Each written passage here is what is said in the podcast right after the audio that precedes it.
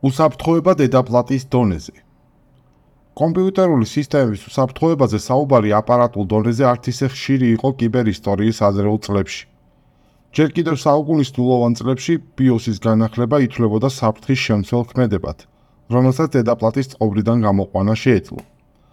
მახსოვს BIOS-ის განახლებისას კომპიუტერს UPS-ზე ვაერთებდით, რომ პროცესის მიმდინარეობისას ელექტროენერგიის წყვეტას კატასტროფულ შედეგებამდე არ მივეყვანეთ.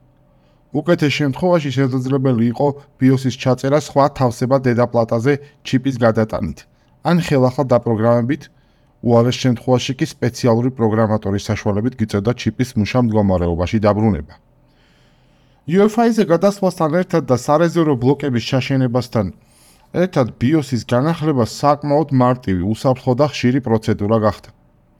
ზოგიერთ კომპიუტერზე მსგავსი რაღაც Windows-ის განახლების სახითაც კი მოდის. რასაც თავისებური რისკებიც კი ახლავს თან. უსაფრთხოებაში, რასაც გულისხმობდი აქამდე, მხოლოდ სისტემის წყობრიდან გამოყვანა იყო და არა უსაფრთხოება იმ გაგებით, როცა პირადი მონაცემების დაცვას ეხება საქმე. UEFI ვირუსების სიახლე არ არის, თუმცა მათი რაოდენობა ბოლო დროს საგრძნობლად გაიზარდა და მომხმარებლებისთვის ჯერ კიდევ უცნობ საფრთხეს წარმოადგენს. წარმოიდგინეთ სიტუაცია, როცა თქვენი კომპიუტერი ჯერ კიდევ ჩატვირთული არ არის საოპერაციო სისტემაში, მაგრამ ჩართვისთანავე ახორციელებს დაკავშირებას წარმოებლის სერვერთან და იქიდან იღებს ინფორმაციას განახლების შესახებ. თუ ასეთი განახლება მოიძებნება, ის ავტომატურად გადმოწერს მას და დააყენებს UEFI აპლიკაციის საშუალებით. ერთი შეხედვით ყველაფერი ნორმალურად გამოიყურება, მაგრამ სად არის იმის გარანტია, რომ წარმოებლის საიტის ნაცვლად სისტემა სხვა საიტზე არ იქნება გადამისამართებული და იქიდან არ მოხდება უკვე გაყალბებული და მავნე კოდის შემცველი პროგრამული კოდის გადმოწერა. კიბერუსაფრთხოების კომპანია Eclipsium-მა გიგაბაიტის firmware-ში აღმოაჩინია ვექტორი, რომელიც 271 სხვადასხვა მოდელის დედაპლატის საფრთხეს ქვეშ აყენებს. საუბარია Intel-სა და AMD-ს პროცესორებთან თავსებად უახლეს მოდელებზე. აღმოჩნდა, რომ განახლებისას პროგრამა არ გადის არანაირ აუთენტიფიკაციას და არ ამოწმებს ციფრულ ხელმოწერებს. არც ვერიფიკაციის შესაბამისი მეთოდები გააჩნია.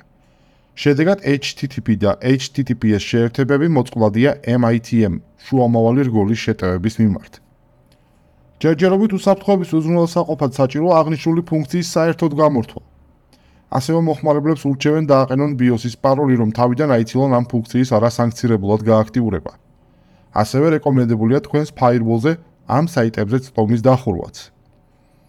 კიდევ ერთხელ მიწევს შეგახსენოთ, რომ ახალი ფუნქციონალი, რომელსაც ხშირად გვთავაზობს ესა თუ ის მწარმოებელი, ხშირად არ არის დახვეწილი და უსაფრთხო. როგორც ეს ერთი შეხედვით არ უნდა მოგვეჩვენოს. ხშირად განახლებების დაყენება სისტემაზე კრიტიკულად მნიშვნელოვანია, თუმცა ძველი მოწყალობების დახურვა არ გვაძლევს იმის გარანტიას, რომ ახალ ვერსიაში სიურპრიზები არ გველოდება. უსაფრთხოების გამარჯვებისთვის თამამად დაგვიკავშირდით. სერვერ ადმინის გუნდი ყოველთვის მზადაა დაგეხმაროთ პრობლემების ეფექტურად მოგვარებაში. გამოიწერეთ და გააზიარეთ. ასევე უსმინეთ ბლოგპოსტების პოდკასტს და ჩვენ root admin podcast-ს. ჩვენთვის სასურველ პლატფორმებზე, როგორიცაა Apple Podcasts, Google Podcasts და Spotify Podcasts.